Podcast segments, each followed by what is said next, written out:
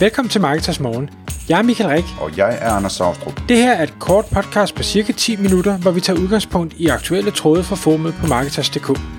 På den måde kan du følge med i, hvad der rører sig inden for affiliate marketing og dermed online marketing generelt.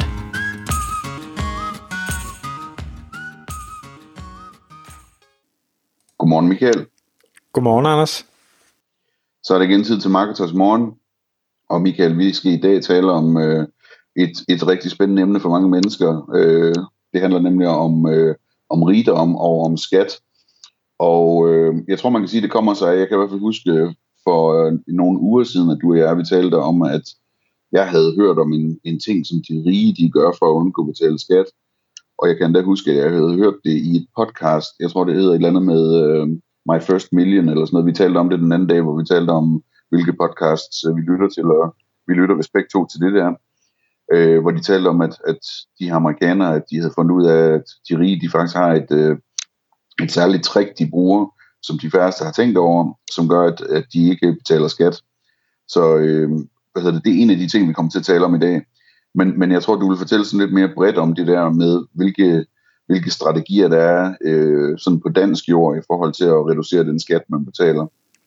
Jeg, jeg vil i hvert fald prøve, og det her det igen Øh, en disclaimer, det er på ingen måde øh, finansiel rådgivning eller skatteekspertise eller noget, jeg besidder. Det er bare, jeg synes, det er et spændende emne, så jeg fortæller lidt om, hvad jeg har undersøgt og tror, jeg har fundet ud af. Det er ikke det samme som, at jeg har forstået det rigtigt, det vil jeg bare lige sige med det samme, men øh, noget af det har jeg forhåbentlig fattet. Øh, og, og det er nemlig et rigtig spændende emne, og det, og det sjove var, jeg, jeg så det nemlig i et tweet, og det var derfor, jeg så skrev det på vores liste. Der var en, der, der skrev, at, at øh, måden, at der er mange øh, rige mennesker, der, der slipper for at betale ret meget skat, det er slet ikke så avanceret, som mange tror.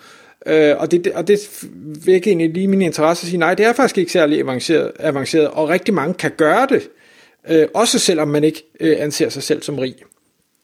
Øhm, men lad os lige prøve at, at gå lidt baglæns. Øh, det første punkt, jeg har skrevet på øh, min liste, det er, at bor vi i Danmark, og er vi lønmodtagere, og det er der jo rigtig mange af, øh, der er, jamen så må vi bare erkende, at Danmark har et af verdens aller, aller højeste skattetryk, vi skal ikke diskutere, om det er, er godt eller skidt, øh, og hvad vi får for pengene. Det, det er, hvad skal jeg sige, en anden snak. Men det er i hvert fald ikke nogen hemmelighed, at vi betaler øh, mere end halvdelen for mange vedkommende af det, vi tjener i skat. Og det betyder jo så også, at når det er tilfældet, så er, vi, øh, så er den største udgift, vi nogensinde kommer til at have i vores liv, det er ikke de biler, vi køber, eller de huse, vi har, øh, eller for den sags skyld vores ægtefælle, det er skat til den danske stat. Det er der, det meste af vores bruttoindkomst, den forsvinder hen. Og derfor øh, kan man sige, jamen du kan godt prøve at få mere i løn, og du kan godt prøve at spare lidt på husholdning derhjemme, og du kan gøre alle mulige ting. Men der, hvor du har størst effekt, og hvor du får mest ud af det på bundlinjen, det er ved at finde ud af, hvordan sparer du i skat. Og når det så er sagt, så vil de fleste, der har undersøgt det, måske også finde ud af, jamen er du lønmodtager i Danmark, så er mulighederne for at spare i skat ekstremt begrænset.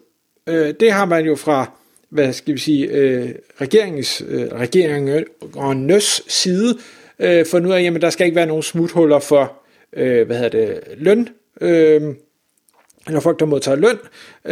Det, er, det bliver simpelthen for dyrt. Så der er ikke rigtig noget som helst at komme efter. Med alt det her, det vil jeg også gerne lige sige, og have noteret ned, fordi jeg skulle huske at sige det. Vi taler ikke om på nogen måde at snyde. Vi taler ikke om at omgås reglerne. Vi taler ikke om noget som helst her. Det handler om at følge reglerne, og det er også det, de rige gør. Sige, hvad er det, man må ifølge reglerne, og kan jeg så gøre det i det setup, jeg har? Kan jeg gøre det som lønmodtager? Kan jeg gøre det som virksomhedsejer? Kan jeg gøre det som investor? Kan jeg gøre det som, hvad en situation nu end måtte være? Der er nogle forskellige regler, der gælder, og dem skal man selvfølgelig følge, og ofte så giver det mening at rådføre sig med eksperter, der ikke laver andet end det, for at være helt sikker på, at man gør tingene rigtigt, så der ikke er nogen, der kan komme efter en. Jeg får ja. lyst til at skyde ind her, Michael, at, hvad hedder det, øh, det er jo interessant at overveje det her med, at altså, lønmodtagere, de har ikke rigtig nogen, øh, så at sige, smuthuller. Der er ikke rigtig nogen, nogen øh, muligheder for at undgå at betale skat, hvis man tjener penge. Øh, men, men det der med, at der, der er masser af, af muligheder for lovligt at reducere sin skat, når man har en formue, det er jo sådan en klassisk ting, som eksisterer i alle lande nærmest.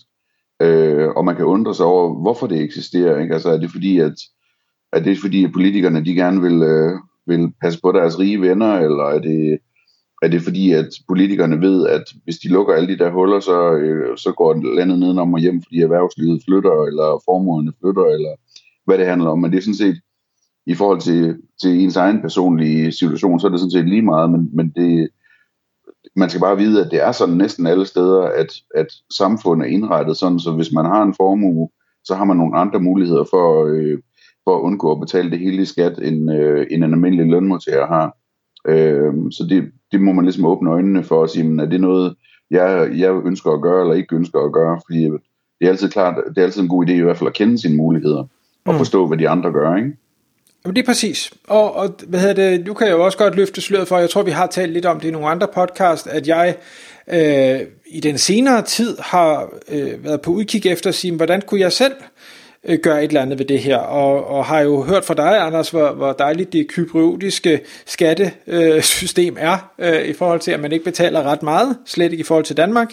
Og derfor har jeg været ved at undersøge, jamen, hvad skulle der til, at jeg øh, kunne komme ind under en kypriotisk skat. Og øh, der har det har brugt meget tid på at snakke med revisorer og, og eksperter om, og, og det er desværre overhovedet ikke nemt. Altså det er noget med at øh, flytte til Kyberen, bosætte sig på Kyberen, oprette Kyberolisk selskab, afskære alle former for forbindelser til Danmark, få de selskaber, man har i Danmark, øh, ud af landet øh, med sådan noget, jeg tror det kalder det exit-beskatning.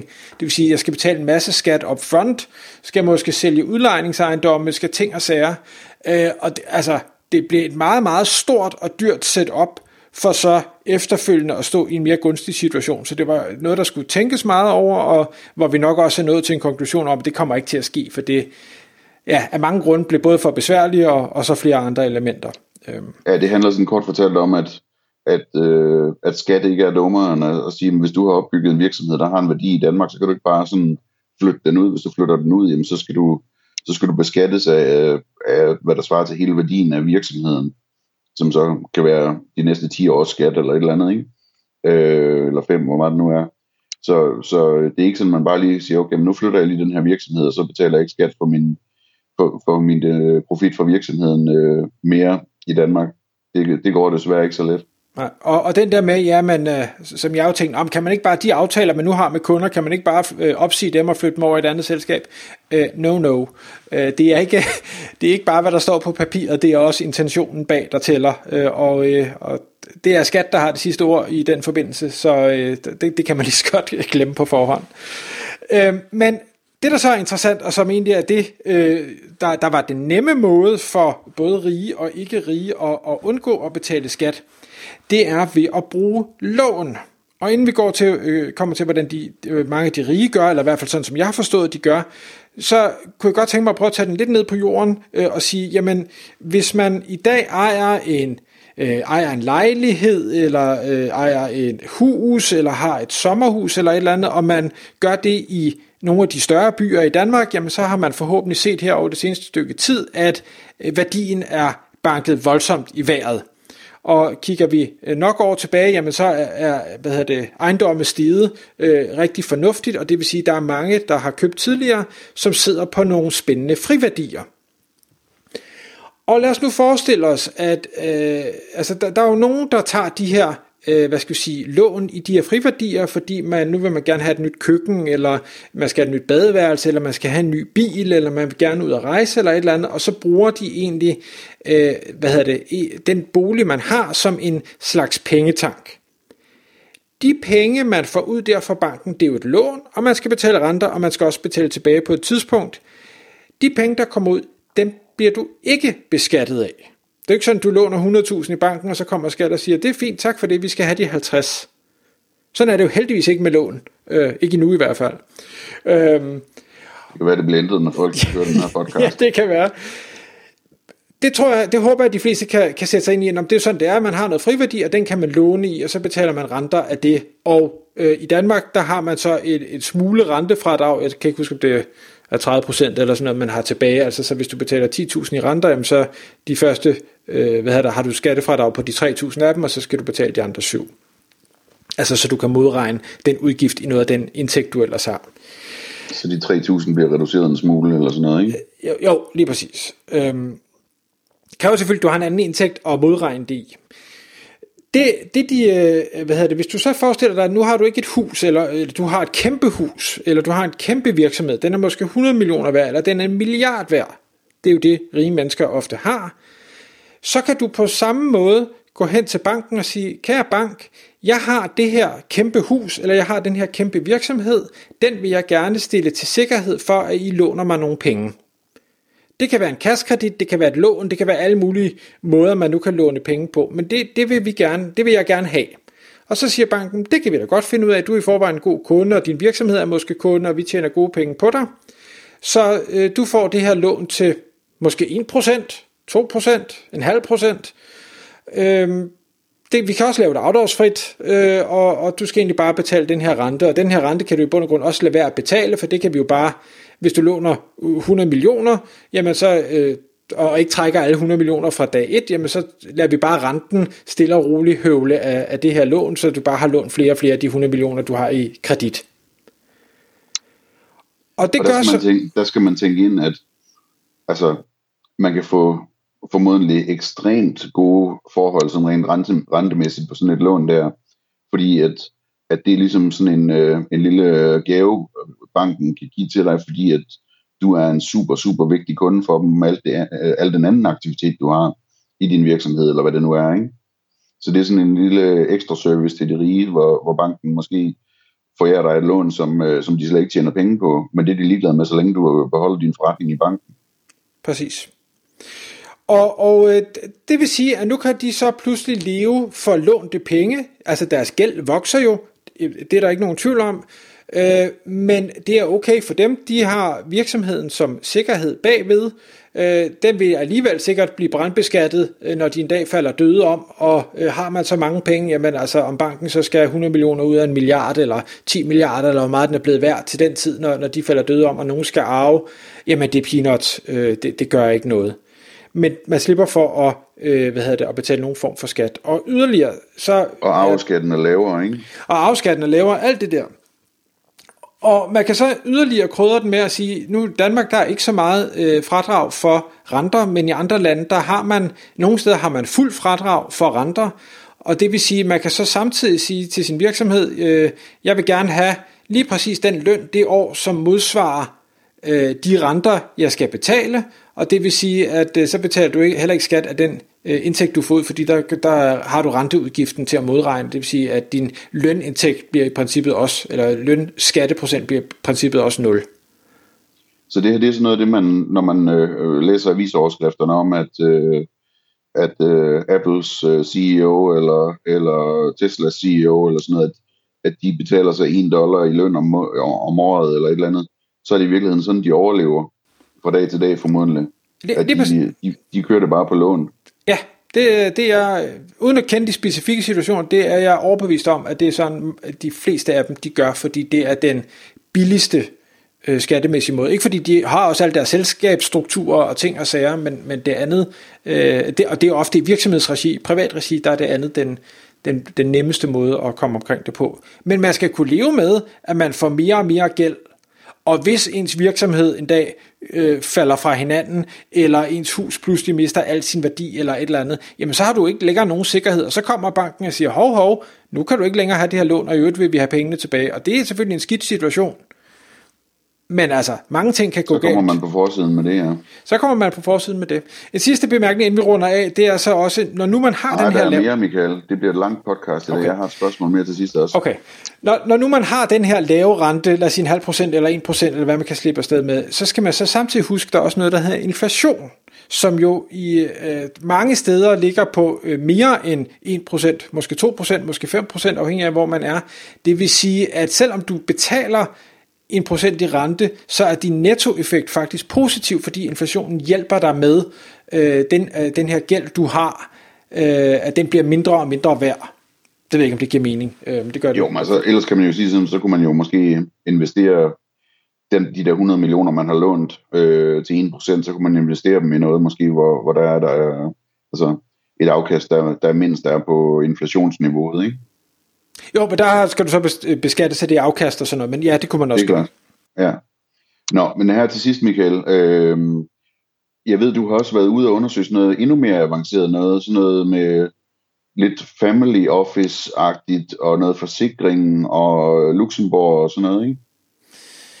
Det var faktisk i forbindelse med Kyberen, og, og nu skal jeg sige, det her, det, det, bliver, øh, det var ret avanceret, og det var noget, jeg fik forklaret relativt hurtigt, så jeg er ikke 100% sikker på, at jeg fangede det fulde øh, af det. Men det, jeg tror, jeg fik forklaret, det var, at man øh, i forbindelse med, at man flytter til udlandet og tager, tager, hvad hedder lukker ned fra Danmark, eller hvad det nu er, så kan man vælge at tage sin formue og placere hos en Øh, Øh, jeg ved ikke om det hedder en custodian, eller et øh, family office, eller et eller andet, altså en, et, øh, en instans, som så varetager ens formue for en. Øhm, og det har nogle fordele, fordi den type virksomhed, øh, beliggende i for eksempel Luxembourg, har nogle skattemæssige fordele, der gør, at fordi det nu er dem, der er forvalter af din formue, så den øh, værdiforøgelse, der sker, fordi det er dem, der gør det, er skattefri for dem. Og det vil sige, at de kan vækste dine penge skattefrit. Så kan man sige, har jeg lyst til at overdrage min formue til dem? Øh, det gør man ikke øh, fuldt ud. Altså det er stadig dig, der har hyret dem, og det er også dig, der kan fyre dem, men det er dem, der varetager dem og har adgang til dem, og også dem, der i en eller anden omfang, øh, hvad skal jeg sige, forvalter dem. Øh, og der kan så være forskellige aftaler med, hvor, hvor meget eller hvor lidt du øh, har at skulle have sagt i den forbindelse. Har du for meget skulle have sagt, så, så tror jeg ikke reglerne gælder, så man skal ikke have for meget skulle have sagt, for at man kan komme ind under den her. Men, men det spændende, øh, eller det, det var den ene ting, der var spændende. Den anden spændende var, han sagde så, jamen hvis nu du siger, nu vil du gerne bo på Kyberen, men du har overdraget alt det der til os. Hvis du så siger, nu vil jeg gerne flytte til Spanien, eller nu vil jeg gerne flytte til USA, eller nu vil jeg gerne flytte til et eller andet, så eller ligger det, eller til Danmark, så ligger det stadig hos os, og du har ikke problemerne med, at du ligesom skal skifte land, fordi det gør din, din formue ikke den bliver hos dem i Luxembourg. Og hvis man laver den her aftale øh, med dig selv, øh, altså dig og din ægtefælle og dine børn, jamen så er alle polisetager, eller hvad man nu vil kalde det, og det vil sige, at det øjeblik, at dig og din ægtefælle måtte dø, jamen så er der stadig levende polisetager tilbage, og derfor er der ikke noget øh, arveskat på det her. Det var sådan, jeg forstod det. Og nu kan det godt være, at nogen siger, det er helt forkert, eller det kan man ikke, eller et eller andet. I don't know. Øh, prøv at finde en anden ekspert og spørg. Men, men det var sådan, jeg forstod det, og det synes jeg jo også lød attraktivt, og specielt når, når der tit bliver snakket om, at afskatten den kun skal nærmest sættes op, og, og i hvert fald ikke ned. Tak fordi du lyttede med. Vi ville elske at få et ærligt review på iTunes. Hvis du skriver dig op til vores nyhedsbrev på marketers.dk-morgen, får du besked om nye udsendelser i din indbakke.